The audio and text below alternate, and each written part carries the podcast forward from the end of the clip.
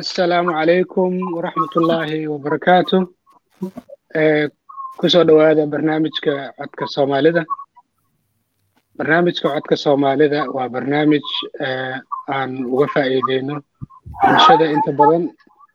Waxaan ku soo qaadanaa brogrammo aan ku dhiirigelinayno bulshada. Sidoo kalena warbixinno ayaan ku soo qaadanaa waxaa barnaamijka ugu magac darnay maanta fikradaha cilmaaniyadda iyo diinta islaamka.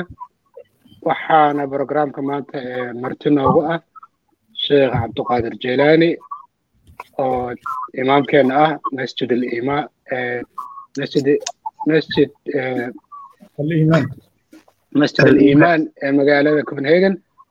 Waxaa sidoo kale program ku jira maxamed kaafi oo isaguna ka mid ah dhalinyarada midicom sheekh haddaan kugu soo dhoweeyo programka sheekh cabduqaadir ku soo dhowow waa kuma sheekh cabduqaadir sheekhana sheekh cabduqaadir jeylaani ku soo dhowow tafadal insha allah الحمد لله رب العالمين والصلاة والسلام على أشرف الأنبياء والمرسلين سيدنا محمد وعلى آله وصحبه أجمعين اللهم لا علم إلا ما علمتنا رب زدني علما السلام عليكم ورحمة الله وبركاته marka hore dhammaan waan idin salaamaya walaalaha barnaamijkan ku xidhan ee daawanaya waxaan kaloon aad ugu mahad celinayaa walaalkay maxamed iyo walaalkay maxamuud aadan sida fiican ee quruxda badan ay igu soo casuumeen barnaamijkan codka soomaalida. Magacaygu fanskin baro waa cabdulqaadir aadan cilmi oo ku magac dheer maaneystiisa ku magac dheerta jeylani waxaan wax ku soo bartay luuqadda carabida ilaa jaamacadda heerka jaamacadda luuqadda carabida wax ku soo bartay. Dugsigeygii dhexe iyo dugsigeygii hoose wuxuu ahaa carabi oo islaamiya jaamacadda waxaa ka soo baxay qaybta shareecada iyo qaanuunka marka waxbarashada shareecada islaamka badanka waxaan ku soo qaatay masaajidka ayaan ku soo qaatay markii dambena dee waxaan wax ka sii faa'iidaystay jaamacaddii iyo meelaha kale marka waxaan haystaa dhowr shahaado shahaado bachelora oo fiqhiga iyo qaanuunka. Waxaan kaloon haystaa diblom ku saabsan tarbiyada islaamka. Waxaan imaam ka ahay masjid al-iimaan oo ku yaalla magaalada copenhagen oo aan ahayn masjid qura laakiin ah jaaliyad aad u weyn oo soomaalidoo dhan ka dhexaysa halkaasaan ka maxamed mikrofo mikrofoonkaaga xir maxamed. Halkaasaan ka ahay imaam iyo khatiib marka waxaan filayaa intaas inay ehm, aan idinku soo koobo taariikhdeeda maadaamaynu wakti yar haysano si fiican ma i maqashaan waa lagu maqlaa waxbaa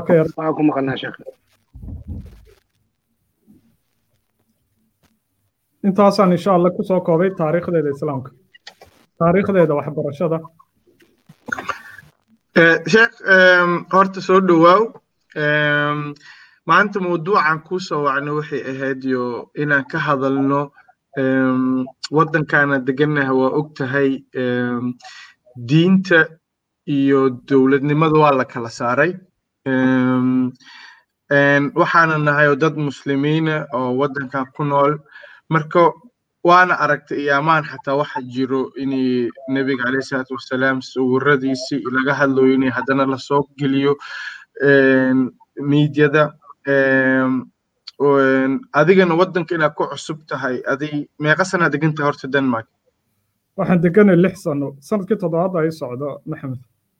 Okay adi marka waxa yani dadka cusubaa ka mid tahay. Sidee u aragtaa horta soomaalida degan denmark?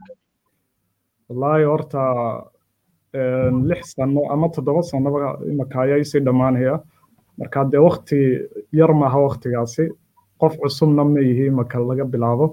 Waxaan ahay qof gaboobay oo ku gaboobay meesha. Waayo toddoba sano ma aha wakti yar ma aha. Waa waqti aad wax walba ku kala fahmi karto luuqadda aad ku baran karto society-ga bulshada aad ku baran karto wax walba aad ku baran karto. Hadday danishka noqoto iyo hadday soomaalida noqoto. Waxaanan ka qayb galay barnaamijyo aad u badan oo soomaalida lagaga hadlayo. Ilaa maalintii aan nimay laga soo bilaabo labadii kun iyo afar iyo tobankii ilaa maanta sanad kasta barnaamijyada la qabto ee society-ga soomaalida ku saabsan oo ka qayb galaa badankooda adiga maxamed kaafi ahaan iyo maxamuudna waad ogtiin oo barnaamijyo badan baynu ka qayb qaadanay oo dooda ku saabsanaa marka aniga soomaalida markaan diraaseeyey inkastoo aan aad uga xumay oonan copenhagen dhaafin oonan odansana tegin owhusna aanan tegin oonan waxba ka sheegi karin oonan xaggan un dhaafin copenhagen iyo iyo magaaladan deganahay oo no shiland la yidhaahdo hilqod soomaalidu run ahaantii dhaliil badan bay leeyihiin marka runta laga hadlo oo ilaa hadda may qaadan integrationkii si fiican umay dhex gelin bulshadan ay la nool yihiin oo way ka baxsan yihiin aad bay uga baxsan yihiin. Waana ta lagu dhaleeceeyo mar walba. Waxaana u sababa runtii in integrationka qaadan waayaan waxa u sababa soomaalida faham khaldan oo ay ka aaminsan yihiin diinta. Marka waxay u haystaan integrationka haddii la qaato inay macnaheedu tahay in diinta islaamka qofku uu ka baxayo gaaloobayo. Marka taasay uga cabsadaan dad badanna ma shaqeeyaan. Sababta xitaa shaqada u diideenna maaha inaanu wadda ka shaqa la'aan jirin laakiin shaqo kasta waxay ku saleeyaan diinta islaamku maxay ka qabtaa? Marka dukaamada kama shaqeeyaan waxay kule waa xaaraan khamri baa lagu iibiyaa doofaar baa lagu iibiyaa. Meelaha balaayamka kama shaqeeyaan badankooga qaar badan way diideen. Waxay idhaahdeen gabadh islaam weyn ama oday weyn oo gaala ayaad u meeraysaa u khidmeynaysaa ama cawradiisi taabanaysaa. Hablahoo kale iyagoo soo bartay haddana waxbarashadii balaayamka ku saabsaneed beligooga ayaa haddana uu ku furan yahay tushuushka ah in islaamku diidan yahay in oday duqa ama oday weyn aad cawradiisa taabato ood u adeegto. Marka laakiin marka runta laga hadlo positive badan baa jira. Anigu intaan arkay dhalinyaro badan oo idinku aad ka mid tihiin oo waxbartay waddanka ku koray luuqaddii soomaaliga garanaya shaqaysta aan ceydh qaadan mar kasta u taagan inay dadkooga wacyigeliyaan ayaa jira iyaguna. Marka runta laga hadlo inkastoo dhalinyarta soomaalida inta badan ama qaar badan ay dee suuqa galeen ay ka dhaceen oo ay dee dorogadii waxyaabaha iibiyaan oonay shaqaysan oo criminal iska yihiin. Haddana waxaa jirta dhalinyaro badan oo positive ah oo lagu dayan karo. Marka aniga markaan soomaalida qiimeeyey muddadii aan joogay waxay u baahan yihiin wacyigelin aad u badan ayay u baahan yihiin soomaalidu in la wacyigeliyo gaar ahaan dhalinyarta iyo jiilka cusub ee soo koraya in aad loo wacyigeliyo. Laga saxo xagga fahamka islaamka weliba laga saxo horta integrationka inaan ka hadalna ma ahayn maanta laakiin adaa albaabkaas furtay marka waa kala hadlaynaa. Adi integrationka maxaa u taqaanaa? Integrationka anigu waxaan u aqaanaa in bulshada aan la iska soocin ayaan u aqaana oo bulshada la dhex galo oo ay ka mid tahay ugu muhiimsan tahay inuu qofku shaqo tago. Inuu qofku shaqo tago inuu qofku ka qayb galo macnaha arrimaha sida fiqi villiga oo kale waxyaaba fiqi villiga oo kale inuu qabto ururada uu ka mid ahaado. Ururada dee fi sabiilillah u shaqeynayo uu ka mid ahaado. Wacyigelinta bulshada uu ka qayb qaato. Marka intaqashoonka macnaheedu maaha inaad noqoto gaal oo diinta ka tagto diinta islaamka inaad ka tagto gaal maaha xor baad u tahay diintaada sida dee waddankan waddankan waa waddan dimuqraadiya waana waddan calmaaniyadda aaminsan boqolkiiba boqol calmaaniyadda aaminsan. Marka calmaaniyadda asaaskeeda iyo seeskeeda tiirarkeeda waxaa ka mid a xorriyadda xorriyatu diin xorriyatu alcaqiida ka mid a qofku inuu xor yahay caqiidadiisa iyo diintiisa. Marka qof kugu qasbaysa ma jirto waddanka inaad doofaar cunto qof kugu qasbaya ma jiro inaad khamri cabto qof kugu qasbaya ma jiro inaad kirista noqoto ama diintaada ka baxdo midna ma jirto marka wixii intaqashoonka wixii ka soo horjeeda diintaada xor baad u tahay inaad ka tagto xor. Laakiin integrashonka iyo imaam integrashonka keliya ma ahayo shaqo maxaa kaloo ah integrashonkii kula taaday? Waxyaabaha ka midka ah intaqashoonka maxaad ka wada maxamed iisi yar cadeynayo su'aasha ilen ilen ilen waddankan eh, markii waalidkan imaadeen integrationka laga hadli jiro waxay ahayd inuu qofka ama uu shaqaysto ama uu wax barto uu waddanka sharcigiisa ilaaliyana. Laakiin integrationkii sanadadan dambe way isbedeleen waxaa laga hadlaa caqiidada uu qofka aaminsan yahay. Adi marka waxaa tiri waxaa tiri maxay ahayd soomaalida markii shaqo loo diraayo camal diintooda aa ka celinayso. Taas qalad miyaa marka? Diintoodu kama celinayso laakiin waa siday u fahmeen iyagu ayay waxay u haystaan inay waxaan diintu u diidayso. Laakiin sax maaha marka diinta laga hadlo. Waa fahan wadaadadu aaminsan yihiin oo ay faafiyeen. Wadaadada ayaa fahamkan faafiyey oo aaminsan. Laakiin wadaadadu waxay sheegaan macnaheedu maaha maxamedow inay tahay waxay diintu aaminsan tahay oo islaam ah. Imanka Mhm. tusaale ahaan dadkan een, dee hadda waad aragtay faransiiska waxa ka socda. Dadkan la leenayo faransiiska ee, kurta laga jarayo qofku leeyahay nabi maxamed caleyhi salaatu wasalaam maadaama la aflagaadeeyey baan u cadhoonaya ayoon dad u laynaya. Islaamku shuqul ku leeya maaha wax islaam aaminsan yahay maaha. Laakiin haddana maca dee waxaa jira wadaaddo waxaa barakeynaya oo taageersan baa jira oo aaminsan oo le nebiga ha loo cadhoodo qofkii nebiga caaya ha la dilo. Wadaad baa aaminsan maxamedow Mhm. ama soomaaliya ha jooga ama yurub ha jooge wadaad baa aaminsan waxaanu ka dhigayaa inay tahay diin oo islaamku uu aaminsan yahay waxaas. Sidaasoo Mhm. kale wadaadka yurub jooga ee le dukaanka fortikiska ha u shaqo tegin ama ama dukaamadan kale ha u shaqo tegin ardiga oo khamri baa lagu iibiyaa. Oo ninkii dhalinyartaana laga yaabay inuu shaqo Ah. kale soo waayey oon shaqada ahayn taasi maaha islaam waxaanay ka soo horjeedaa taasi integrationkina way ka soo horjeedaa waayo tusaalehaan job sotarkii wuxuu soo helay shaqo. Shaqo kale waa la soo waayey laakiin shaqo waxa lagaaga soo helay fortikiska haddaad tidhahda anigu ma ka shaqaynayo oo islaamkaygaan ogoleen islaamkiiba dee si khalad u fahamsan intaqashoonkiina maad qaadan marka. Marka waxaad u sawiraysaa dadka inaanu islaamku ogoleen integrationka denmark ama wadannada reer galbeedka.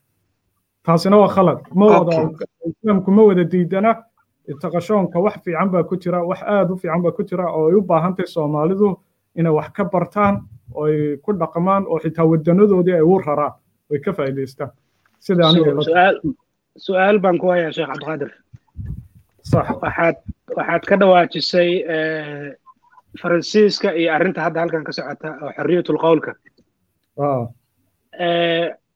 horta waddankan denmark aan joogno ma aha waddan cilmaaniya waa waddan waa waddan diin haysta. Kiniisaddu dastuurkay ku jirtaa. So lama dhihi karo waddan wada cilmaaniya wey faransiisku kiniisaddu iyo diintu kuma jirto. So cilmaaniyadda waddanka faransiiska lagu tilmaami karaa laakiin denmark laguma tilmaami karo.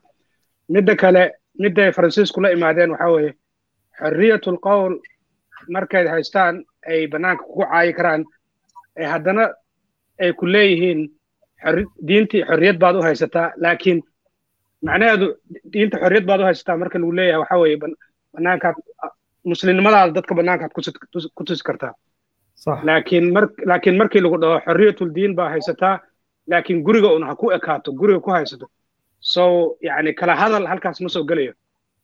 Aniguna bannaankaan kaa caayo laakiin xorriyatu diin baa haysataa laakiin guriga salaadaada ku tuko oo khamiiskaaga iyo dharka diin islaamnimadaada bannaanka hawla soo bixin taasi uga ta u fahantay sheekh horta tan hore aad ka dhawaajisay een, denmark waddan kristan u ahaa. Wadannada yurubiyaanka oo dhan kristan bay ahaan jireen qarnigii shan iyo tobnaad. Ma ilaa hadduu ilaa hadduu ku jiraa waa horta ha dhamaysta sug maxmud hay sug ha dhamaysta awoodda ugu hadalkiisa weyn qarnigii shan iyo tobnaad awoodda ugu weyn waxaa lahayd yurub.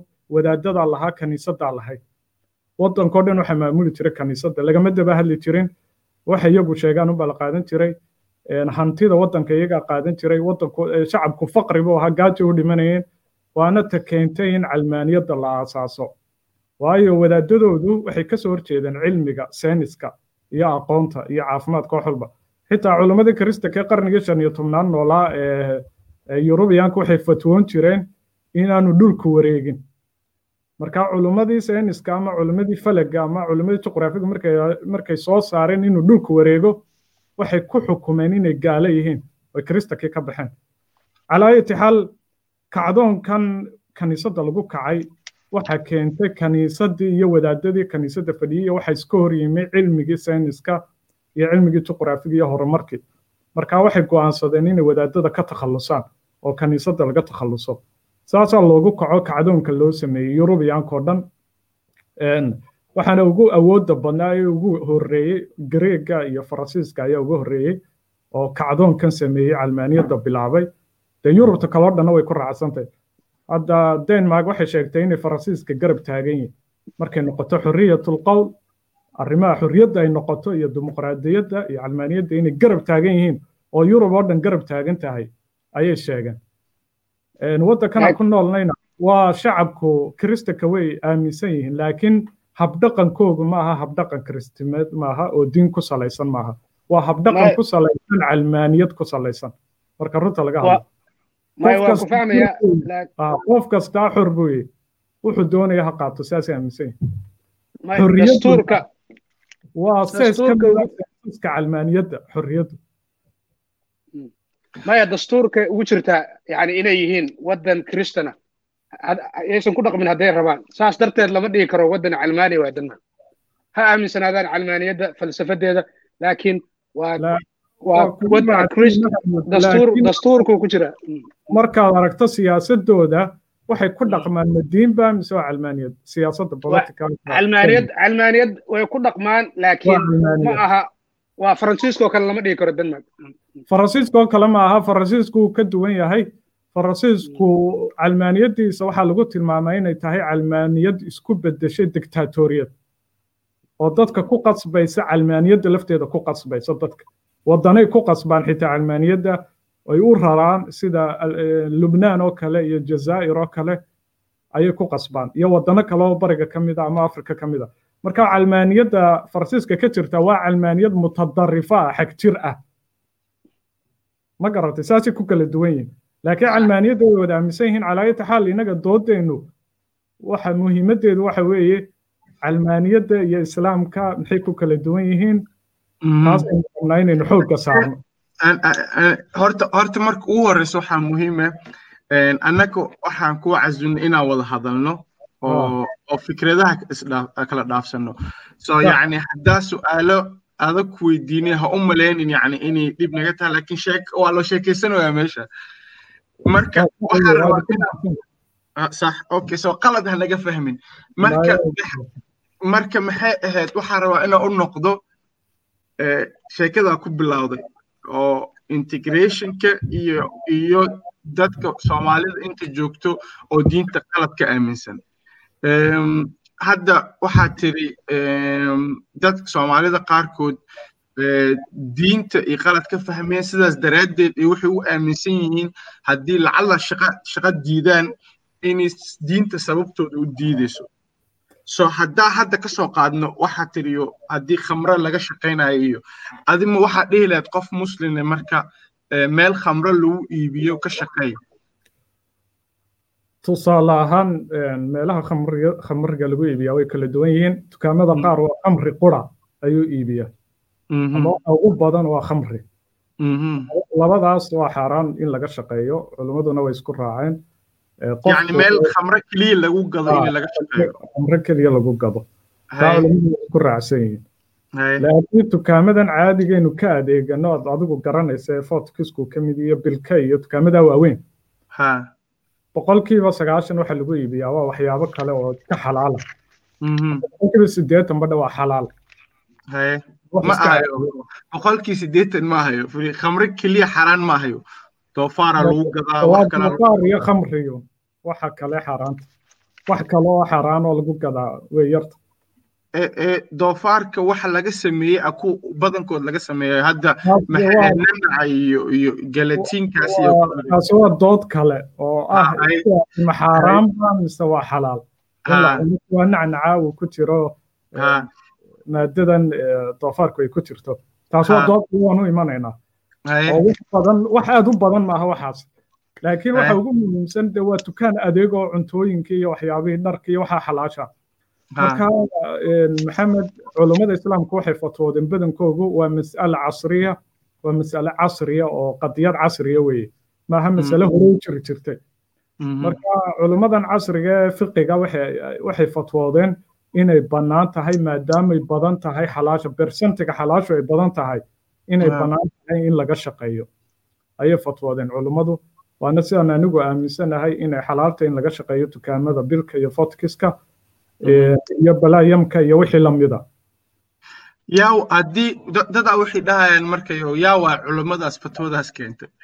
Culummada waxaa ka mid a nin sheekhoo caalimo oo la wada garanayo oo culimmada hadda ugu waaweyn ka sii nool culummadii casriga oo yuusuf alqardaawi la yidhaahdo ayaa ka mid a kitaabkiisa la yidhaha alxalaal walxaraam. Oo kaga hadlaya xalaasha iyo xaaraanta oo kitaab caana oo xitaa lagu loo tartumay luqadda ingiriisiga. Kitaabkaas kaga hadlaya marka culummadaas sida zakluul najaar baa ka mid a ama wahbat zuxayli oo isaguna caalim weyn oo fiqiga ku takhasusay wahbat zuxayli oo dimashq ku noola oo hadda geeriyooday ilaa naxariista ayaa ka mid ah. Marka culummada casriga ee waaweyn waxay isku raaceen inay bannaan tahay haddii bersentiga xalaashu badan tahay in laga shaqayn karo dukaamadaas. Waxaa kaloo ka mid a xataa culummadii marka hore diidanaan jiray soomaalida qaar badan baa imika ogolaaday uu ka mid yahay sidan maqalay ama aan maalin ka dhegaysanayay youtube-ka wadaad kenya ku nooloo la yidhaahdo shibili. Marka way jiraan oo anigu ma diidayo anigoon cadaaladda ka tegayn inay jiraan wadaaddo iyagoo aaminsan inay xaaraantay hadduu meesha khamriba yaalo in laga shaqeeyo. Oo sida culummada sacuudiga qaar ku nool ay ka mid yihiin su'aal sug maxamed arrintaasaan ku soo xasuustay xalaasha iyo xaaraanta. Waxaan xasuustaa waddankan markii la soo geliyey soomaalidu markay qurbaha soo gelaysay. Dhammaadkii sagaashameeyada bilowgii labada kun waxaa la qaban jiray muxaadarooyin waaweyn oo culimmadeennu sweden iyo norway oo laisugu tegi jiray. Su'aalaha ugu waaweyn oo la iska weydiin jiray dadkii marka waktigaa soo galay soomaalidu aad baa muxaadarooyinkaas loo xiiseyn jiray sheekh omar sheekh camar faaruuq allah yarxam sheekh maxamed rashaad su'aalo waxay ahaayeen ku saabsan fiqiya oo diinta ku saabsan waxaan maxalaalba maxaaraanba waktigaas waa laga soo tegey haddaa la yimid labada kun iyo tobankii iyo wixii ka sii dambeeyey. Su'aalihii way ka bedelmeen su'aalihii waagaas dadka yani jiilkii naga waaweynaa ay qabeen oo xalaasha iyo xaaraanta iyo cayr ma la qaadan karaa ku saabsan su'aalihii hadda waxay taagan yihiin dhalinyartii jiritaanka ilaahay iyo tawxiidkii bay taagan yihiin. Marka sheekh haddaan ku maxaa waxaan ka hadlayaa masaajidaan ka hadlayaa iyo culummada hadda jirta iyo fahankooda dhalinyarada. Maxaa is leedahay oo halkaa khaldamay? Ma culimmadiibaa ma baan dhalinyaradii fahmayn mise dhalinyaro ayaan la samayn? Booskii kala wareegta.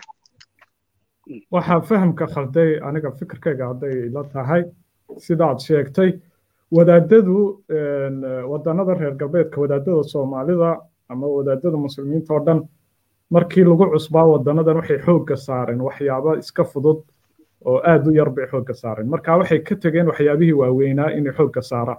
Waxay xoogga saareen arrimahan imankan ka hadlayno dukaamada ma laga shaqayn karaa waxyaabo yaryaroo iska dee aan muhiim ahayn ayay awoodda saareen. Soddonkaasoo oo dhan waxaa laga fatwoonaya oo laga hadlayey dukaamada waa laga shaqayn karaa iyo lagama shaqayn karo.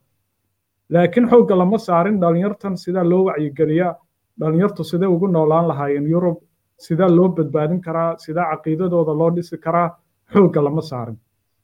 Taasaa keentay in maanta dhalinyaro badan ay diinta ka shakiyaan. Waayo markay soo weynaadeen ay labaatan jir noqdeen ay qaan gaadheen dee way fikireen markay fikireen su'aalo badan bay isweydiiyeen oo ku saabsan ilaahay jiritaankiisa ama diinta islaamka. Su'aalihii markay isweydiiyeenna dee way ka jawaabi kari waayeen waayo aqoon fiican uma laha islaamka. Aqoon fiican islaamka uma laha. Markay yaraayeenna lagalama soo hadlin lagalama soo doodin. Marka waxay keentay inay qaataan un wixii ay sheegayeen reer galbeedku inay run u qaataan. Marka tii reer galbeedka ayuunbay qaateen. Oo ah inaanu ilaah jirin dadkii aaminsanaad ee reer galbeedka ilaah diidka ahaa ee iskuulka ugu dhigayay ilaahay ma jiro. Wax kastaa waa okay wax dhibaataa ma leh. Haddaad noqoto waxaad noqon kartaa laga roone. Haddaad doonto waad isbedeli kartaa oo naag baad iska dhigi kartaa. Tii bay markaa u qaateen inay sax tahay. Marka anigu dhaleeceynta weyn iyo eedeynta weyn waxaan saarayaa wadaadada sababtuna waxa weye masaajidka waxaa laga dhigay goob u xidhan odayaasha oo qura u xidhan oo dhalinyarta ay ka fogaadaan. Dhalinyarta waxay u baahan yihiin masaajidku inuu noqdo meel ay dhalinyartu ku soo soo jiito oo dhalinyartu ay soo galaan oo ay jeclaystaan oo ay ka helaan waxyaabo badan oo activatiya oo firfircooni badan ay ka helaan be. Oona ahayn un salaad qura in meesha lagu tukado ama qur'aan keliya lagu akhristo ama tafsiir laga akhriyo. Laakiin masaajidada waan ka hadli doonaa masaajidadan yurub ka dhisan waa bila activatiyo waa meel odayaal keliya fadhiyaan oo odayaal qura ay joogaan. Dhalinyarta markaa markay ka waayeen waxyaabo activatiya ilaa ninka dhalinyarta wuxuu u baahan yahay firfircooni buu u baahan yahay waxyaabo badan buu u baahan yahay. Waxay keentay taasi inuu suuqa galo.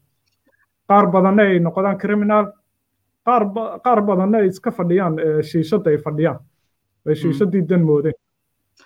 Laakiin lama dhihi karo miya sheekh hataa waxa kaa dhex galo lama dhihi karo miya dadka oo waalidiinteen markii inta imaanayeen waxay islahaayeen waa noqon doontiin. Waxayna islahaayeen maxay ahayd in diintiina idinka baxsanin. So sidaas daraaddeeda uga fikeri jireen yani waxaan maxalaala inaad ka shaqaysid maxaraana isma lahaynyo intaad deganaanaysin labaatan sano soddon sanoyo oo cabsi inay u geysa waa run oo anigu waalidka waxay ka tahay waan ogahay oo cabsi bay ka tahay. Habkii carruurta ula dhaqmaa waa habkii soomaaliya markay joogeen ula dhaqmayeen taasina waa khalad waa ta keentay inay ciyaalku fogaadaan oo dhalinyartu ay xadka dhaafaan sababtoo ah waalidku wuxuu ilmaha ku qasbayaa inuu qur'aanka barto carabida barto. Ilmihii isaguna ma arkayo waalidkii oo carabi baranaya ama qur'aan garanaya marka waalid ilmihii wuxuu arkayaa un isaga in waxaan lagu qasbayo ay qasab tahay waxaanu isagu rabin oon doonitaankiisa ahayn ayaa lagu qasbay. Markuu weynaado xorriyadda yeesho uu qaan gaadho sideed iyo toban jir noqdo. Dee qur'aankii halkiibuu kaga tegaya? Carabidiina halkiibuu kaga dhaqaajinaya? Laakiin waxaa la rabaa waalidku inuu isagu ku dhaqmo waxaanuu ilmaha barayo. Hadday qur'aanka noqoto waalidku waa inuu barto qur'aanka. Hadday carabida noqoto waalidku waa inuu carabida barto uu ku dadaalo oo ilmihiisa wuu akhriyi kara carabida markuu yar yahay. Si ilmuhu u ogaado in aabbihiiba dee uu soo bartay carabida uu waddadan uu soo maray oo rood rood u noqdo dee ilmihiisa waa inuu noqdo royal uu ku daydo stand uu ku daydo micyaar waa inuu noqdo. Waalid waxaan arkaa carruurtiibuu kuu keenaya wuxuu ku leeyahay ilmahayga waxaan rabaa inuu qur'aanka xifdiyo isagina waxaa laga yaabaa jus ama ma xifdisana maxaad ilmahan ugu qasbaysaa inuu qur'aan xifdiyo muhiimadda ugu muhiimsan waxa weeye waxaad tidhaahdaa ilmahayga waxaan rabaa macallinow inuu barto sida qur'aanka loo akhriyo musxafka uu soo qaadan karo uu akhriyi karo. Oo markaa akhriska iyo qoraalka aad ka dhisto taasaa muhiima kabacdina aad caqiidada kala sheekaysato iyo islaamku muxuu yahay waddanka reer galbeedka sida loo noolaan karaa guurka aad kala sheekaysato waxyaabo badan oo dee noloshiisa ka mida oo hadhow isweydiin kara markuu weynaado. Aad imaka kala sii sheekaysato. Waalidka qaar baan maxamed iskada wax kale. Aan ilmihiisa dhalinyarta ee teenageka waxaanu kala hadli karaynin guurka oo xalaasha ah xitaa. Wax kale iska guurka xalaasha ayuu ka xishoonaya inuu inantiisa kala hadlo ama wiilkiisa kala hadlo. Berrit hole markuu inankii baxo ama inantii baxdo yaa la hadlaya markaa. Waxa la hadlaya saaxiibkii de ayaa wax walba kala sheekaysanaya oo kala hadlaya. Marka in arrintaa wacyigelin badan laga bixiyo ayaan anigu aaminsanahay oo sidaynu wax u wadno la bedelo. Macallimiintu siday qur'aanka u dhigaan waa in la bedelo oo loo bedelo xifdintan qur'aanka. Inta dadka laga daayo lagu qasbayo ciyaalka waa in lagu lagu bedelo in tarbiyadda iyo taariikhda islaamka iyo dhaqanka soomaalida iyo luuqadda soomaaliga iyo qoraalka iyo akhriska waxyaabaha laga dhiso okay adinka hadda masaajida haysatiin sooma masaajidkiina maxaa samaysin adinka? Sida waxaas uga hortagtiin. Aniga horta masaajidkayga wuu cusub yahay hadda sanad quri furan yahay. Meel horaan lahayn oo shan sano naga furneed waana laga soo xidhay hadda meel cusub baanu samaynay oo aad u weyn. Marka masaajid qura maaha horta annaga waxaan kaga duwanay masaajidada kale maaha masaajid qura. Waa masaajid iyo markis ama jaaliyad mukhaayad baa ku taala geemkii lagu ciyaaraya dhalinyartaa taala tifiyo saddex tifi baa ku xidhan ciyaaraha lagu daawadaa waa lagu sheekaystaa kaafey baa ka furan laadhu baa lagu ciyaaraa turubka lagu ciyaaraa. Activitiyo badan baa ka socda maxamed. Marka dhalinyaro iyo waayeel intuba way joogaan. Laakiin ma ka fikirtiin macalin?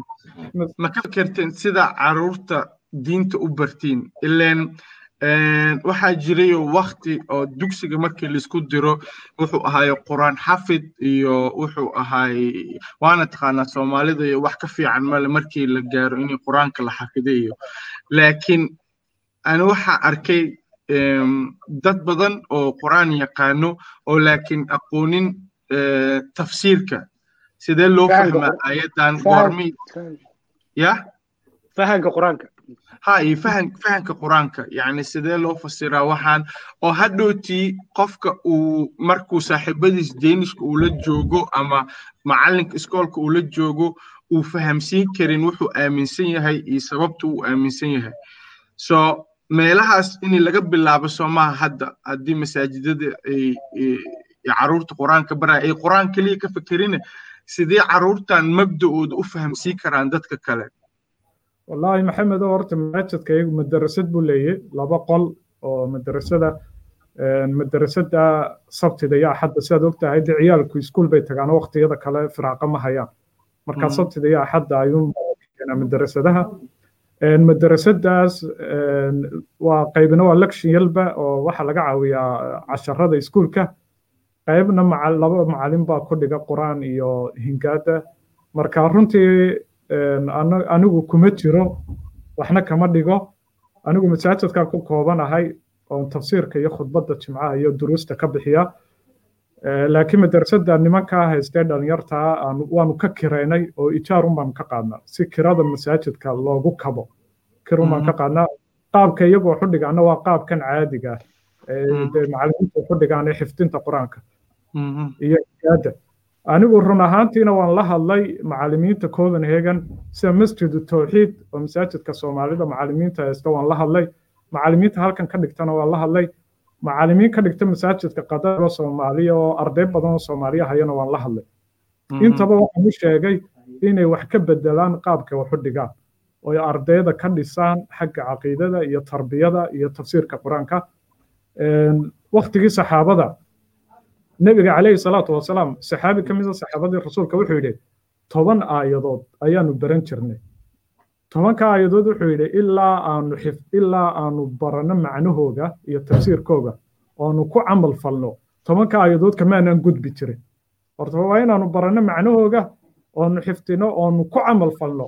Si baratikaala kadib baan haddana toban aayadood oo kala qaadan jirnay. Marka sida la rabaana waa sida in ciyaalka wax loogu dhigo laakiin ilmihii sida cajalada si dhigoo keliya haddii lagu shubo oo aanu xitaa akhriyi karin hadduu musxafka soo qaato tafsiirna hadalkiisaba iska daa waxba ma tarayso dee. Beritoole markuu weynaaduu noqdo labaatan jir ama sideed iyo toban jir. Waxaa helaya qof qur'aanka ka soo horjeeda oo qur'aankan naqdinaya oo bushinaya oo ilaahba aan aaminsaneyn oo hadduu doono soomaaliya ayaa heli kara beritoole oo bedelaya oo caqiido kale ku shubaya iskuulka waad aragtay ilaa baanahoga laga soo bilaabo ilaa secretariga ilaa jaamacadda wax walba ardayga waa looga sheekeeya wax kaste. Marka guriga markuu ku soo laabto ama weekendiga sabtida iyo axadda dee waxaa la rabaa jaaniskaa yar in looga faa'iidaysto wixii lagu soo shubay in laga shubo. In laga shubo. Ma aha macnuhu in qur'aan keliya la xifdisiyo maaha. Anigu waxaan wax ka dhigaa maalinta sabtida masaajid la yidhaahdo masjidu leeyahay sheekh la yidhaha baraasi oo araabida alislaamiya la yidhaha masaajid weyn carabta. Marka anigu sabtida ciyaalka carabtaan waxu dhigaa qaabkaan u dhignaana aad bay uga duwantay qaabkan soomaalida waxu dhigaan sabtidoo keliya aan dhignaa sagaalka subaxnimaan soo galaa labadan ka baxaa marka waxaan dhignaa waa shan maado. Qur'aanka waan dhigaa laakiin qur'aanka ma aha xifdin. Waa akhrin qura. Suurad baan u dhigayaa suuradda tafsiirkeeda iyo akhrinteeda. Waxaan kaloo dhignaa carabida tarbiyadda siirada xadiiska iyo ducooyinka. Marka sidaas oo kale in wax loogu dhigo soomaalidana weye manhajkaasaan rabay in la qaato laakiin laylama fahmin. Sababtuna waxa weeye macallimiintu waxay eeganayaan markaa runta ka hadlay interestigoogunba eeganaya. Sida wax ugu jirto ay dantooda ku jirto. Maxay sidee yani sug bal ha faaf maxaa ka wadaa yani siday dantooda ugu jirto? Iyaga sidana u fudud waalidkuna sidanay rabaan marka sida iyagu waalidku rabaan ayuunbay jecel yihiin inay wax ku wadaan. Ma sii yani dee qofka qofka hadduu macallin dugsi yahay muhiimadiisa waxaa laisleeyahay qofka muhiimadiisa waxa waa inay carruurtan qur'aanka bartaan iyo tafsiirkana bartaan. So maxaa ka wadaa waxaan interestigiisa ku jiro qofkaas marka? Waxaan ka wadaa waalidka waxay rabaan xifdul qur'aan. Ayay iska dhaadhiciyeen waxa la yidhaha marka wuxuu rabaa waalid kasta wuxuu leeyahay waxaan rabaa ilmahaygu inuu xaafid noqdo oo musaabaqada hadhow uu ka qayb galo dubi ka dhacaysa ama sacuudiga ka dhacaysa loo diro macnaha. Marka waalidkii tusaale ahaan ilmihii hadduu la joogo macalinka sanad oo sannadkii aanu dee qur'aankii aanu xifdin oo aanu shan jis xifdin ama saddex jis wuu ka saaraya macalinka wuu ka kaxaynaya wuxuu leeyahay meel kalean geenaya lagu xifdiyo qur'aanka macalinkana waxba ma barayo marka macalinkii isagoo ilaashanaya interestigiisa lacag bay ka qaataan marka runta laga hadlo. Isagoo lacagtiisa ilaashanaya oo interestigiisa ilaashanaya wuxuu jecel yahay sida iyagu raalli ku yihiin inuu u sameeyo oo qur'aanka u xifdisiiyo. Si loo ammaano macalinkan la idhaho intaasoo arday buu xifdisiiyey macalinkani qur'aanka. Waa madarasad fiican oo la iskugu sheego. Maxmuud su'aala? May sheekha wuxuu ka dhawaajiyey yani sida manhajka yani in la diyaariyo arday diinta fahamsan oo akhlaaq leh oo aanan aanan keliya lagu dadaalin un xifdiga waan ku raacsanahay. Midda kale aan raba inaan sheekh weydiiyo waxay tahay sheekh ma is leedahay imaamyadii ayaa ku yani ku raagay yani culummadii hore ayaa ku raagay booska iyo shaqaday wadeen. Mise dhalinyaradii mise dhalinyaro ayaan jirin kala wareega oo wax baratay xaggee iska qaban la'dahay labaduba way jiraan wadaadada halkan jooga ama macallimiinta qur'aanka dhigta markaa runta ka hadlo ma laha basic adag oo xagga fahamka diinta ma laha. Qur'aankun bay xifdisan yihiin. Marka ma aha dad basic fiican oo diinta islaamka oo arrimahan calmaaniyadoo kale ka jawaabi kara xaaladan adag ee lagu jiro wadannada reer galbeedka falaqayn kara ma aha. Ama waabay ka soo horjeedaanoo waxaabay aaminsan yihiin waddankani wadda gaala yahay oon lagu noolaan karinoo dantunbaa ku qasabtay laakiin wax badan bay diidan yihiin.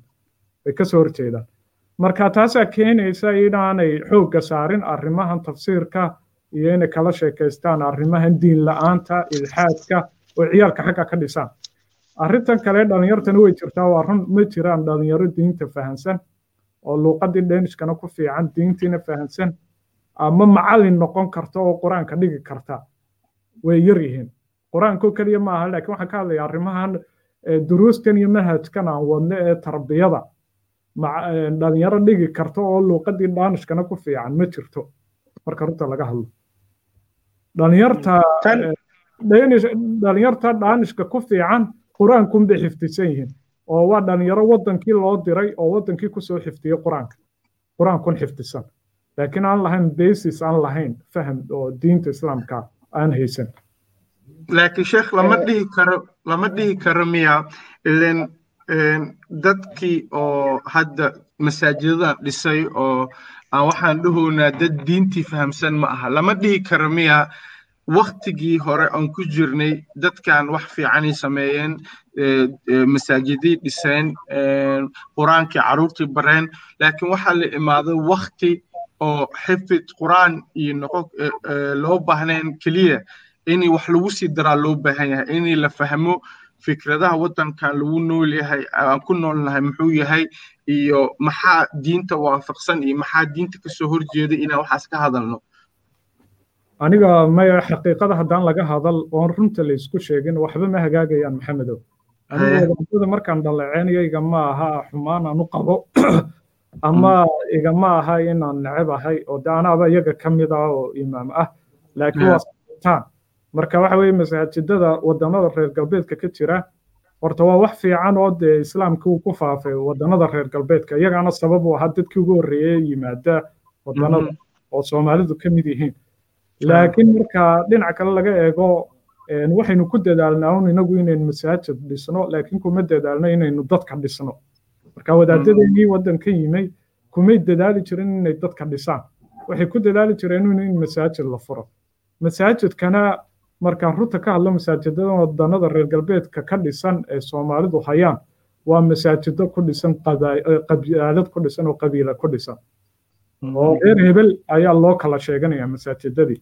Ilaahina subxana watacaala qur'aanka wuxuu uhi wa ana almasaajida lilah masaajidada ilaahay baa iska leh. Falaa tadcuu maca allahi axada ilaahay cid aan ahayn ha ku caabudina. Waxaanu ilaahay raalli ka ahayn ha ku dhex qabanina masaajidka. Masaajidka ilaahay dartii baa loo dhisay inuu reer sheegto. Waa wax aad iyo aad looga xumaado. Waanad ka warhaysaa oo denmark lagaaga warran maayo magaalada owhus iyo udanse intaba waxaa la sheegaa in masaajidadu qabiil qabiil u kala fadhiyaan. Masaajidka osle ku yaalay towfiiq la yidhaahna waad ka warhaysaa oo saxaafaddu mar walba soo qorto oo boolisku xidho waxay isku haystaana waa laba qabiil qabiil baa isku haysta halkii la rabay masaajidku inuu noqdo goobtii dhalinyarta lagu dhisi lahaa ee lagaga faa'iidaysan lahaa wacyigelinta dhalinyarta oo dhalinyarta lagu soo xareyn lahaa oo dadka lagu dhisi lahaa oo dadka lagu bari lahaa diinta iyo fahamka iyo caqiidada oo laga wacyigelin lahaa oo uu noqon lahaa masaajidku society meel ah oo social ah waxaa laga dhigay meel la isku haysto oo qabiila oo reer ay isku haystaan masjidka osle ku yaalay towfiiq waxaa ka soo horjeeda maxamedo ma rumaysanaysaa saldhigga weyn ee booliska ka soo horjeeda toban tallaabo u jira. Saldhiggaa dadka ku xidhanaa waxay u badan yihiin dhalinyartii soomaalida oo kriminaala ayay u badan yihiin. Masaajidkiina waa la isku haystaa waana masaajidka quray soomaalidu leeyihiin. Iyagaana iibsaday haddana qabiil baa isku haysto kolba waa la xidhaa masaajidka. Dhalinyaro ma joogto. Cid waxba laguma baro. Waxa la isku haystaana waa interest iyo lacag iyo qabiil. Marka anigu waxaan odhan lahaa inta dhibaatadaasi jirto dhalinyarta soomaalidu waxay ku jiraan arrin khatara bay ku jiraan. Diintooduna khatar bay ku jirtaa dhaqankooguna khatar buu ku jiraa. Labadaba way ka tegayaan. Waxaynu ka faa'iidaynaana ma jirto wadannada reer galbeedka. Khasaaro waxaana inuu laga faa'iidayaa ma jirto. Sidee looga hortegi karaa marka dhibaatooyinka sheekhow? Waxaa looga hortegi karaa in la xoreeyo masaajidada. Ha la xoreeyo. Anu waxaan leeyahay masaajidadan qabiilkaa laga xoreeyo. Qabyaaladan dadkan haysta xoogga ku haysta iyo wadaadadan ururada ah ee ururka ah ee isagu raba inuu keligii mimbarka saarnaado. Oo aan aaminsanayn xoriyatulfikir ma aaminsana wadaadku. Keligii baa sheekh ka ah keligii baa imaam ka ah ma rabo inuu wadaad kale la wadaago mimbarka oo masaajidka la wadaago uu ka fikir duwan. Wuxuu rabaa inuu keligii fikirkiisa uu gudbiyo. Marka waxyaabahaas oo dhan ha laga xoreeyaa la leeyahay masaajidka. U siman laakiin diinta fakir miya sheekh mase waa waxaa dhowsaa fakir iyo iyo ra'yi iyo mabdaci laakiin diinta diin soo maaha diintu iyadoo diina ayaa maxamed waxa lagu kala duwan yahay fahamkii diinta la fahmayay ayaa lagu kala duwan yahay marka maadaama fahamkii lagu kala duwan yahay iminka tusaale ahaan garhka in la xiiro iyo in sidiisa loo daayo haddii wadaadadii way ku kala duwan yihiin culamada qaar waxay leeyihiin wax dhibaataa male garhka haddii la xiiro. Wax dhibaataa male qaarna waxay leeyihiin waa xaaraan marka adiga masaajidka haysta haddaad aaminsan tahay in garhka la xiiraa xaaraan tahay. Dee wuxuu ka ilaalinayaa wadaadka kale aaminsan in garhka la xiiraa inay bannaan tahay buu ka ilaalinaya ma ogola. Wixiina waa faham waxay ahayd in laga doodo nin kastaa uu soo bandhigo xujadiisa iyo daliilkiisa laakiin maaha inaad camburiso dadka kale wadaadada inaad camburiso maaha. Waa taataan ka hadlaya halkaas su'aal baan ka weydiinaya sheekha ah in wada yani ay wadaadadu ay ka deglaayihiin memberka. Maadaama aan dad kaloo muslimiina aan la degannahay waddamadan oo caraba waxaana inta badan la arkaa dadka masaajidaas kale oo dadkaas kale ay ku nool yihiin inaan soomaalidana loo ogolayn inay ka hadlaan ama ay hadal ka yeeshaan. So soomaalidu inay koodii ku adkaadaan ay dictator dictator ka noqdaan maxaa u diidaya ayaga kuwii kale markii laga soo ceyriyo meelihii carabta markii laga soo ceyriyo. Soomaalidu waaba dadka keliya ogol in masaajidadooda dadka kale ajaanibka ka khudbadeeya waxna ka sheegaan yani waxaan arkaa kuwa kale in laga soo in aan boos laga aysan ka hadlin. Carabta carabta looma ogola. Sababtan waxa weeye carabta waxay isku arkaan inaanay u baahnayn soomaalida oo diinta iyagu yaqaanaan. Wax walba garanayaan oonay markaa baahi u qabin soomaalida. Laakiin ninkii soomaaliga ahaa iskuma kalsoona marka wuxuu haystaa wadaadkan soomaaliga in wadaadka carabka ee luqadda carabida ku hadlaya uu kaga fiican yahay islaamnimada ama aqoonta diinta uu kaga fiican yahay waxaa jirta masaajida ay soomaalidu leeyihiin oo laakiin ay ka khudbadeeyaan wadaaddo carabi ay ka khudbadeeyaan oo ay u ogol yihiin. Marka tanaan ka hadlayay ad adeega dictaatoriyadda maxamedow waa inaga dhexdeena laakiin maaha dadka kale. Waxaan ka hadlayaa waa inaga dhexdeena wadaadadeennu way kala duwan yihiin marka waxaa leeyahay macnaha masaajidada in koox keliya qabsato oo inaga una ah oo kooxihii kale laga saaro ayaa khalada. Waa inuu mimbarku ahaado mimbar loo siman yahay. Ama in masaajidkii qabiil qabsado dee uu qabiiladii kale ka ceedhiyo waa taataan diidanahay waana ta ka jirta marka runta laga hadlo waddannada reer galbeedka. Waayo wadaadkii adiga kula joogay masaajidka markaad ceedhiso isaguna wuxuu samaysanayaa masaajid kaloo agtaada ayuu ka samaynaya oon waxba kaa fogeen. Waddanka maraykankana way ka jirtaa arrintaas. Minnesota iyo meelo badan. Laba masjid waxaad arkaysaa labadaba soomaali leeyihiin oo isku jira shan tallaabo taas taas ani waxay ila tahay waxay keenaysaayo dhallinyarada inay diinta ka fogaatayo. Ilaan ani jaamacadda markaa soo dhiganayay iyo waxaa xasuustaa yani dhallinyaro badan oo su'aalo badan qabeen oo diinta ku saabsan laakiin yaa loo tagaa la isku haystay ilaan diintii ayadoo isla diintii ee mabda'yaal kala duwan jiraan. Hadda lacalla dadaa hadda waxay aaminsan yihiin mawliidka inay la qabto dadna waxay aaminsan yihiin mawliidka inay la qabanin. Fikradahaas kala duwan marka qofka hadduu rabo inuu diinta barto siduu ku ogaanaa qof gruubka saxda uu raaci karo wuxuu ku ogaan karaa qofku horta inuu diinta barto. Qofku haddaanu diintii garanaynin way adag tahay inuu kala saaro labadooda qolo ka saxsan. Diinta barashadeeduna qasab maaha inaad carabi keliya ku barato. Diinta maanta way faaftay luuqad kasta way ku qoran tahay. Soomaali bay ku qoran tahay ingiliish bay ku qoran tahay luuqado badan baad ku helaysaa. Marka ninka dhallinyarta waxa fiican ee raba inuu diinta barto inuu barto oo luuqadu ku fahmayo uu ku barto waxaa kaloo muhiima inuu qofku caqligiisa isticmaalo. Dhallinyaro badan waxaa laga xidhay caqligii baa laga qufulay oo maankoogii ma furna. Marka wadaadkii wuxu dhigaya macalinkiisa ahaa waxaa la rabaa inuu caqligiisa ku miisaamo. Rasuulku calayhi salaatu wasalaam saxaabi ka mida saxaabada wuxuu ku yidhi waxaad ku kala socdaa wanaagga iyo khayrka waxaad ku kala socdaa qalbigaaga la tasha buu ku yidhi rasuulku calayhi salaatu wasalaam wixii ay naftaadu diidayso buu yidhi rasuulku waa xumaan. Wixii naftaadu ay habbi ku tahayna waa khayr oo waa wanaag. Marka diinta saas ma loo fasiri karaa? Ileen hadda waddankana ku nool nahay dadaa waxay rabaaniyo inay dhahaan wax kastoo adi aaminsan tahay oo wadnahaaga ama qalbigaaga uu rabo raac ama hawiyadaada raac. Sidaas sidaa hadda dhehaysidna way u dhowdahay mase anaa si qalad u fahmay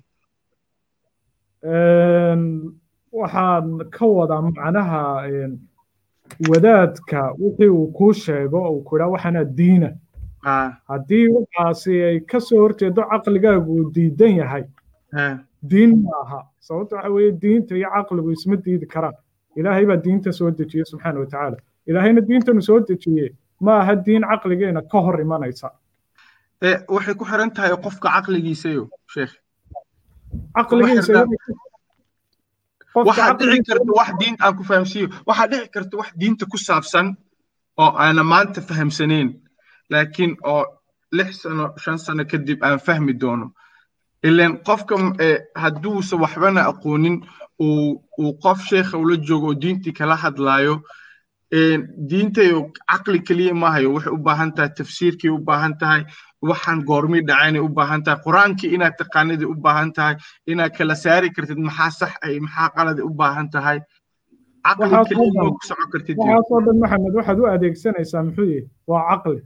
Tafsiirka haddaad doonaysa inaad barato oonad caqli lahayn ma baran kartaa tafsiirka. Haddii aanad caqli lahayn. Tafsiir ma baran kartaa. Qur'aan ma dhigin kartaa. Wadaad ma la doodi kartaa wax ma weydiin kartaa waa maya. Mar walba caqligaa wax walba ka horreeya ilaahay subxaana watacaala qur'aanka mar walba wuxuu leeyahay afalaa yacqiluun? Afalaa yatadabbaruun? Afalaa tatafakkaruun? Aayadahaasoo qoran waxay tilmaamayaan inuu qofku caqligiisa ka shaqaysiiyo. Boqolaal aayadood bay ka badan yihiin oo ilaahay qur'aanka uu leeyahay gaalada markuu la hadlayo bal may garaadka ka shaqaysiiyaan caqliga may ka shaqaysiiyaan miyaanay fikiraynin may u fiirfiirsadaan. Ma garatay? Laakiin taas taas way kala duwantaa sheekh tusaale taas way kala duwantaa marka qof gaal la hadlaysid oo diinta islaamka aaminsanayn afalaa tacqiluun iyo maxay ahayd iyo may indhahooda iyo dhegahooda ma isticmaalaan iyo waxay ku saabsan tahay oo ilaahay jiritaankiisay ku saabsan tahay taas qofkan suu ku gara waaye inuu ilaahay jiro waaye. Laakiin markii diinta laga hadlayo markaa muslim noqotid oo caqiido laga hadlayo so ma ku saabsana maxaa diinta ka taqaanaa ilaa haddaada diinta aqoonin iyo iyo maxay ahayd qur'aankii aqoonin iyo xadiiskii aqoonin waxaa ku kala saartid ma haysatid iyo ilaa caqli keliya halkaas ma isticmaali kartid haddii aanad aqoonta diinta aanad lahayn maxamed oonad diinta aqoon u lahayn maxaad isticmaalaysaa marka waxaa la rabaa inaad caqligaaga isticmaasho haddaanad aqoon diinta u lahayn waayo waayo awood kalood leedahay ma jirto imanka culummada islaamku waxay idhaahdeen dadkaan culummada ahayn ee caamada waa loo baneeyey inay culummadooda ku daydaan. Oy daba galaan culummada waxay idhahdeen culummadu waxay kala dooranayaan markaas culummadooda hadday iskhilaafaan waxay kala dooranayaan. Kii iyagu ay habbiga ku yihiin. Kay habbiga ku yihiin. Oo ay akhlaaqdiisa iyo dhaqankiisa ku kalsoon yihiin ayay qaadanayaan. Oy ku dayanayaan. Taa macnaheed waxa weeye qofku waa inuu fikiro haddaanu qofku fikiraynin oonu caqligiisa ka shaqaysiinayn qofka maskaxdiisa waa la qabsanaya maxamedow waa sida maanta dhalinyarta muslimiinta qaar badan loo qabsaday oo reer galbeedku maskaxda uga haystaan oo looga dhaadhiciyey inay calmaaniyaddu tahay taqure lagu badbaadi karo ama horumar lagu gaari karo. Horumarka lagu gaari karo. Sababtuna waxa weeye dhalinyartii muslimiintu may helin culummo muslimiina oo si fiican u fahansiisa ama uga sheekaysa calmaaniyaddu waxay tahay maadaamay waayeen oo su'aalaha cid uga jawaabtay ay waayeen de waxay ku qanceen fikradihii reer galbeedku ay ka sheekeynayeen iyo maaragtay calmaaniyadda ay buunbuuninayeen oo ay leeyihiin horumarkan waxaanu ku gaadhnay tiknolojiyaddan waxaan ku gaadhnay calmaaniyadda marka ninkii dhalinyarta markuu arko wadaadkii oo wax walba xaaraatimeynaya oo le kani waa xaaraan kani waa gaal kani waa bidco kani waa fisqi oo xitaa laga yaabo inuu ka soo horjeedu masaajidka isagoo fadhiya ayuu ku leeyahy dhulku ma wareego dhulku kubad ma aha marka ninkii dhalinyarta ee jaamacadda ka soo baxay wadano reer galbeedka ku noolaa dee muxuu wadaadka u arkayaa markaas? Wadaad nool qarnigii shan iyo tobnaad oo la mid ah wadaadkii kiristanka ahaa ee layska ceedhiyey ayuu la mid yahay agtiisa marka ninka dhalinyarta uu fogaanaya. Ma fahamtay maxamed maxmuud ha ha su'aal nala ka soo weydiiyey dhanka facebooka. Waxaa soo qoraya cabduqaadir cabduqaadir wuxuu leeyahay sheekh xalku muxuu yahay wixii dhacay way dhaceen sidee loo dhisi karaa bulsho yani ummad toosan oo wax qabsan karta? Sheekh cabduqaadir wuu mahadsan yahay cabdiqaadir su'aashiisaas waa su'aal aad u qurux badan oo muhiima in la isweydiiyo waayo markaynu doodno waxa muhiima in xal aynu raadino. Aynu idhaahno maxaa xala waayo soomaalida dhibaatada ugu weyn imaka haystaa waxa weeye waa dad hadal ah waa ummatu kalaam. Ummatu ficil ma ummad ficil maaha waa ummad hadlaysa fadhi kudirarka maalin walba waxaa laga hadlaa sheekadii shalay laga hadlay ayuunbaa lagu soo celinayaa taasunbaa la wadaa soddon sano. Fadhi kudirar waxaa la wadaa waa sheekadiyo. Isma bedesho wax isbedeli ma yimaadaan. Marka in xalka la waa muhiim. Aniga waxay la tahay bulshadu way kala duwan tahay. Hadduu ka hadlayo bulshadan ku nool wadannada reer galbeedka oo ta muhiimkaynu halkan u fadhinaynu ka hadlayno waxay la tahay waa in bulshadan muslimiinta ay wadannada reer galbeedka ku nool waa inay maskaxdooda furfuraan oo iska dhaafaan caadifadda. Waayo dadka muslimiinta wakhtiga nool hadda waxaa hagaa waa caadifadda hagta xikmadi ma hagto waa caadifad. Hadda markii nebiga suubanaha calayhi salaatu wasalaam waxa laga sheegay la sawiray waxay ahayd hadday gaaladu sawireen rasuulka calayhi salaatu wasalaam sawirkiisa inaynu ugu jawaabno innaguna inaynu sawirno. Habdhaqankiisii suubanaa calayhi salaatu wasalaam. Laakiin may ahayn in dadka la laayo oo macalin kurta laga jaro oo dad kaniisad ku jira oo cibaadaysanayo cibaadadoodii ku dhex jira in loo galo oo madaxa laga jaro may ahayn. Waa khalad. Marka sida quree lagu badbaadi karaa waxay tahay in xikmadda islaamka iyo naxariista islaamka la faafiyo oynu inaguna ku dhaqanno diintu waa nasteexo. Rasuulku wuxuu calayhi salaatu wasalaam addiinu nasiixa. Diintu waa nasteexa buu yidhi rasuulku. Saxaabadu waxay idhahdeen yay nasteexa u tahay wuxuu yidhi rasuulku ummadoo dhan licaamati naas dadkoo dhan bay nasteexa u tahay macal nasteexa u tahay sidee gaalka nasteexa ugu tahay waxay ugu tahay wanaagga iyo islaamnimada iyo naxariista iyo kalgacalka jacaylka islaamka waa inay ka muuqdaan habdhaqankaaga. Yurub baad ku nooshahay iska dhaaf caydha. Haddaanad xanuunsanayn oo aanad waalnayn oo aanad itaal darnayn ood shaqaysan karto shaqayso oo iska dhaaf caydha. Iska daa kriminaalka iyo dembiga. Iska dhaaf xumaantaad yani suuqa madow. Ad ku shaqaysanayso iska dhaaf. Waxaasoo dhan waa ina iska dayso. Waa in sharciyada iyo qaanuunka waddankan u dejisan eed saxeexday eed ka balan qaaday inaad ilaalinayso waa inaad ka soo baxdo. Waayo ilaahay subxana watacaala qur'aanka wuxuu yidhi yaa ayuha aladiina aamanuu awfuu bilcuquud. Ilahay wuxuu yidhi subxaana watacaala waxaad oofisaan dadka muuminiintow ballantaad gasheen. Xitaa gaalka haddaad ballan la gashay ballantiisa oofi. Qof kastoo waddanka ku nooli ballan buu galay. Markii sharciga la siinayay dadka baasaboorka weyn qaatay xitaa dhaar bay galeenba way dhaarteen waxaad ku dhaaratay waddanka sharcigiisa inaad ilaaliso. Marka xorriyadda waddankan ka jirta waa inaanad ka soo horjeedsan ood ood aaminto. Adiga qasab ma aha laguguma qasbayo inaad samayso. Waxaan raalli ka ahayn oo dhaqankaaga iyo diintaada ka soo horjeeda lagugu qasbi maayo. Laakiin adiguna ha samaynin.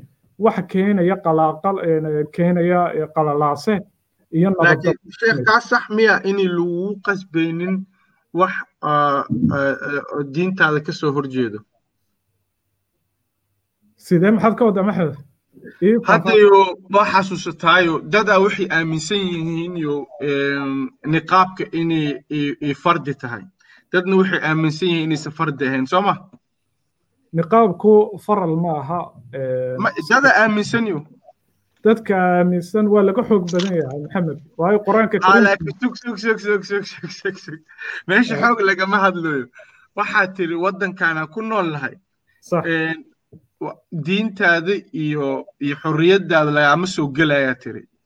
Laakiin waxa ognahayo dadka aaminsan inay niqaab gashtaan oo waa fahamsanahay dadaa dhahayaan fardi ma aha dadaa dhahayaan fardi waa dadaa dhahayaan sunno waa aaminsanahay inay fikradooyin kala duwan ii jiraan.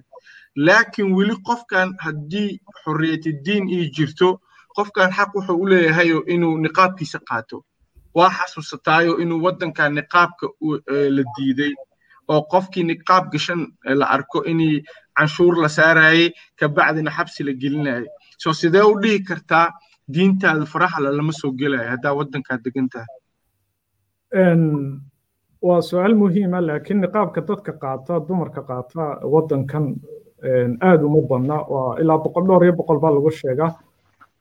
Laakiin taas maaha sheekhiyo sheekh baditaan iyo yarataan lagama hadlayo inta de waxaa laga hadlayaa waxaa tiri qofka xaqu u leeyahay diintiisa faraha lagalama soo gelayo sida saxda waddanka ha lagu dhaqmo laakiin waxaan ku tusayaa inay qofkan hadduu aaminsan yahay inay niqaab iyo diintiisa ka mid tahay inay loo diido waddankan waa loo diiday waa run laakiin adiga marka lagu diido waxaa la rabaa si xikmad leh oo macquula inaad uga fal celiso maxamedow. Laakiin haddaad tidhahdo niqaabkii baa layga xaaraatimeeyey dad baan laynayaa ka war ma saxba naay sax maaha tahay. laakiin xorriyatidiinaa jirta hadhihine marka. Xorriyatudiin way jirtaa maxamedow oo masaajidadu way noo furan yihiin. Laynagama xidhin. Salaadii laynooma diidada inaynu banaanka ku tukanno oo xitaa banaanka masaajidka ka baxsan ayaynu ku tukan karnaa.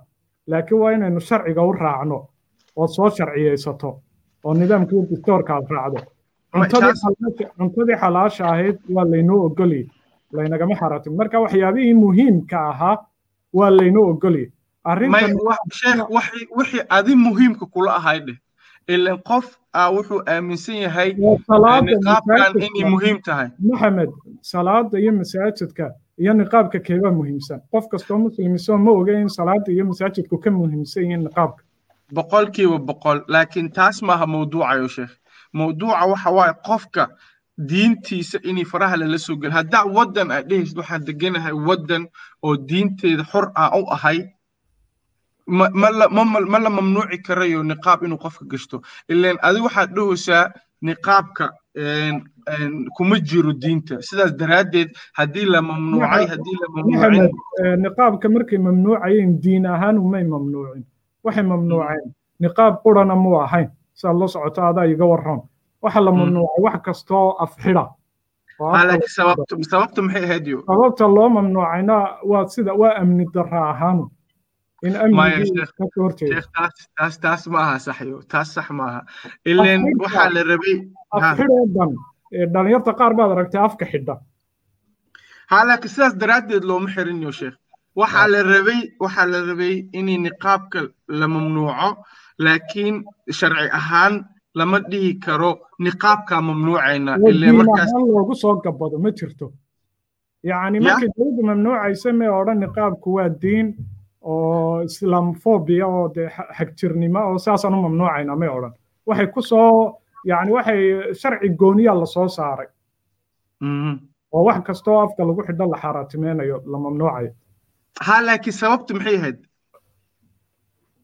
Wallaahi dee aniga maxamedow kolay adaa iga waroon waddankan aniga sabab ay sheegtay dowladdu oo cad oo tiri diin baan u mamnuucnay ma jirto. Intaan akrinayay oon la socdo.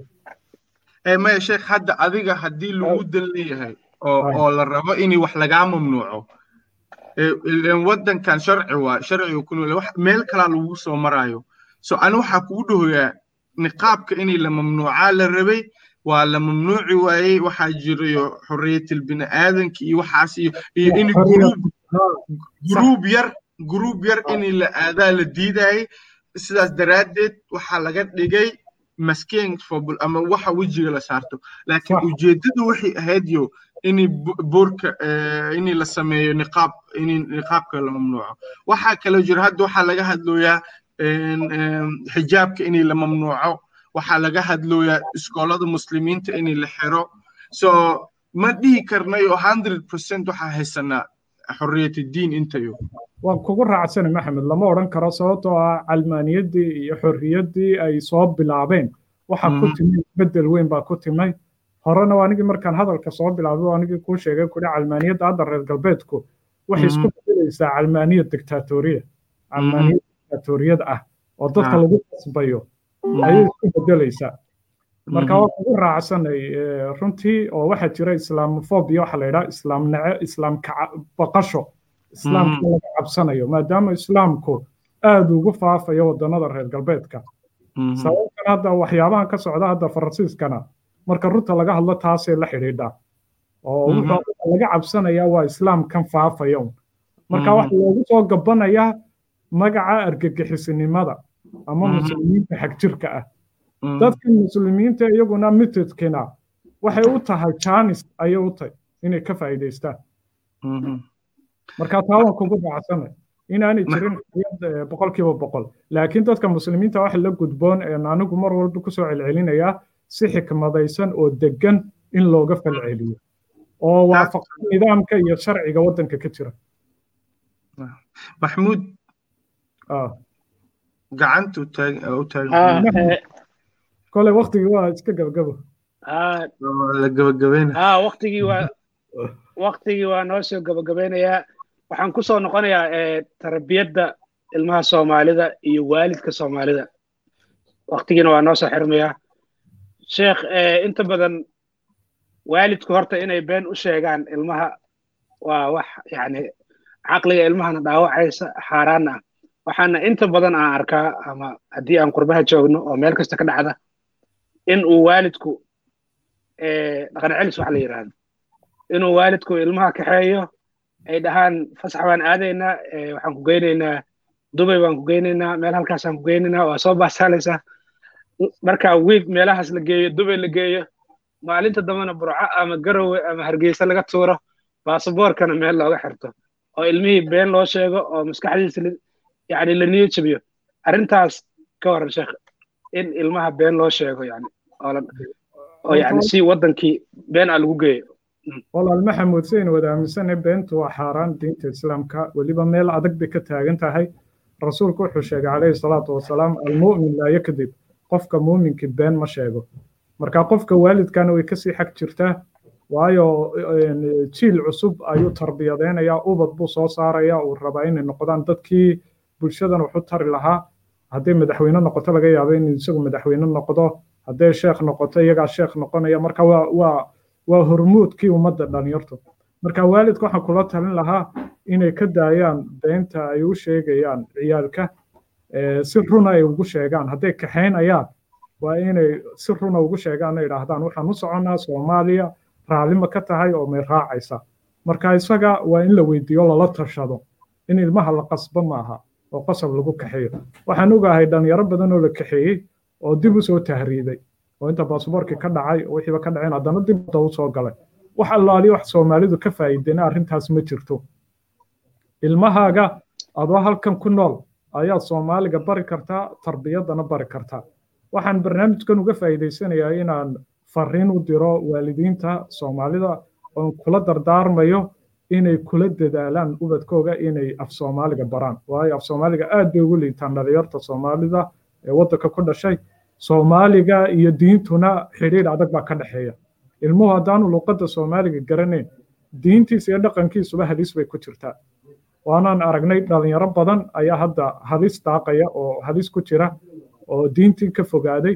Waxaana keenaysa inaanay soomaaligina si fiican u garanayn dhaqankiina aanay garanayn marka diintana qofku ma baranayo haddaanu soomaaliga garanayn marka waalid badan waxay ka odhanayaa soomaaligii way nagu adagtahay oo barno oo bulshadii ka xoog badan. Laakiin waxaan aaminsanahay luqadda soomaaliga inay tahay luqad aad u jilicsan oo aad u fudud haddii waalidku ku dadaalo ilmihiisa wuu bari karaa laakiin wakti la geliyo u baahantay madarasadahan la tago weekendiga ee sabtida iyo axaddana waxaan leeyahay waalidka macallimiintan lacagta siinaysaan waxaad u sheegtaan ood ku darsataan barnaamijka luuqadda soomaaliga inay u dhigaan taasaan kula dardaarmaya inay luuqadda soomaaliga u dhigaan. Marka su'aasha adaad weydiisa waxaan leeyahay arrintaas oo xaaraan dhalinyartan la celinayo qasabka lagu celinayo la khaldayo beenta loo sheegayo ha laga daayo. Waayo dhibaatadaas waa dhibaato innaga inagu soo laabanaysa. Bulshada muslimiinta halka ku nool ayay dib ugu soo laabanaysaa reer galbeedkuna imanka arrintaa way ogaadeen way daba galaan dee ciyaal badan baa qasab xitaa lagu soo celiyey oo hargeysa laga soo celiyey waad ka warhaysaa oo madarasada la geeyey qaar baa qasab cilaajiye lagu xidhay oo lagu dilo oo lagu jir dilay marka waxaasoo dhan waa khalad. Waana ka soo horjeeda anugu mar walbana waan ka hadlaa khudbada. Programka waa noo soo dhammaanayaa maxamed maxaa ku darsanaysaa aya horta sheekh aad i aad u mahadsan yahay. Maanta inuu noo imaado sidaan ula sheekaysanno waa ka xumahay dad badanaa su'aalana weydiiyey laakiin inay laga gaarayn u eg tahay. Laakiin mar kale aan ku soo wici doonaa codkaa wuu gogo'oyaa sheekh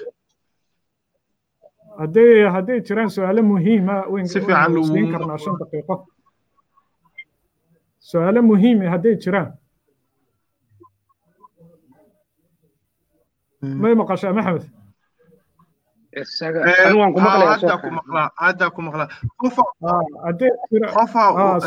soo sheekh maxaa kula talin lahayd laakiin su'aala hadda si fiican okay. Waxaa lagu soo weydiiyey maxaa kula talin lahayd dhallinyarada ka xishoota diintooda. Inay dadka la qaybsadaan oo kala hadlaan iyo inay muslim yihiin kala xishoodaan. Wallaahi arrintaas way jirtaa. Waxaan kula talin lahaa eh, diintaada inaad ku faanto. Eh, dhalinyartan eh, wadanadan ku koran waxaan kula talin lahaa diintooda inay bartaan oo aanay akhrisan oo qura kutubta reer galbeedka. Haddii kale fikir keliyun bay aaminsan yihiin oo fikirka reer galbeedka ah marka eh, waxaan kula talin lahaa dhalinyarta inay masaajidada yimaadaan oo ay wadaadada ka xishoonin ay wax weydiiyaan. Wadaadadana waxaan kula talin lahaa inay isfurfuraan oo iska daayaan isxidhxidhkan ay isxidhxidhayaan iyo bulshadan ay ka dhex baxsan yihiin. Waayo wadaadada waxaad moodaa inay bulshada ka duwan yihiin. Marka wadaadka soo gala waxaa laleeyahy wadaadkii baa soo gala u baneeya. Dhar gooniya buu xidhay oo ka duwan dharka dadka kale xidhan yihiin si gaara loo ixtiraamaya. Marka waxaasoo dhan ha iska dhaafan wadaadadu dhalinyarta ha dhex galaan ha la saaxiibaan. Anigu dhalinyarta la saaxiib baan ahay waan la sheekaystaa wax walba waan kala hadlaa. Hadduu sigaar cabayo iyo haddii kale waan la socdaa iskama weynaysiiyo.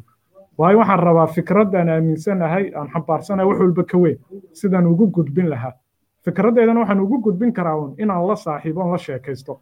Laakiin haddaan iska ururiyo aan iska dhigo wadaad dee weligay iman maayo dhalinyartu way iga xishoonayaan marka dhalinyarta waxaan leeyahay masaajidka idinkaa mustaqbalka leh masaajidada kaaleya iska daaya goobahan aad tagtaan shiishadaad fadhiisanaysaan lacagtayda kaga dhammaatay caafimaadkayda kaga xumaaday oo caafimaadkiinu halis ku jiro.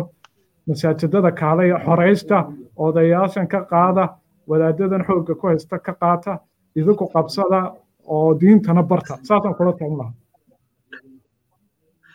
aad iyo aada u mahadsantahay sheekh jailani hana naga xumaan haddaa su'aalaha kugu adkeena iyo marka waxaana loo baahan yahay inaan wada fadhiisano la wada hadlo. So aad iyo aada u mahadsan tahay. Maxmuudana intaan u dhiibaynaa marka. Waa soo gabagabaynaynaa waa aad buu ugu mahadsan yahay sheekh imaam cabduqaadir jailani ilaahay khayr ha ka siiyo. Intii uu nala qaybsaday iyo su-aalihii uu nooga jawaabay sheekh haddaan hadday naga khaldantay cafwan waa ku salaamaynaa aad baan ku salaamaynaa dadka dhalinyarada facebooka nagala socotana waan salaamaynaa in badan aan su-aalihii ka jawaabin wasalaamu calaykum waraxmat ullaahi wabarakaatu حسيحن حسيحن حسيحن حسيحن حسيحن سجل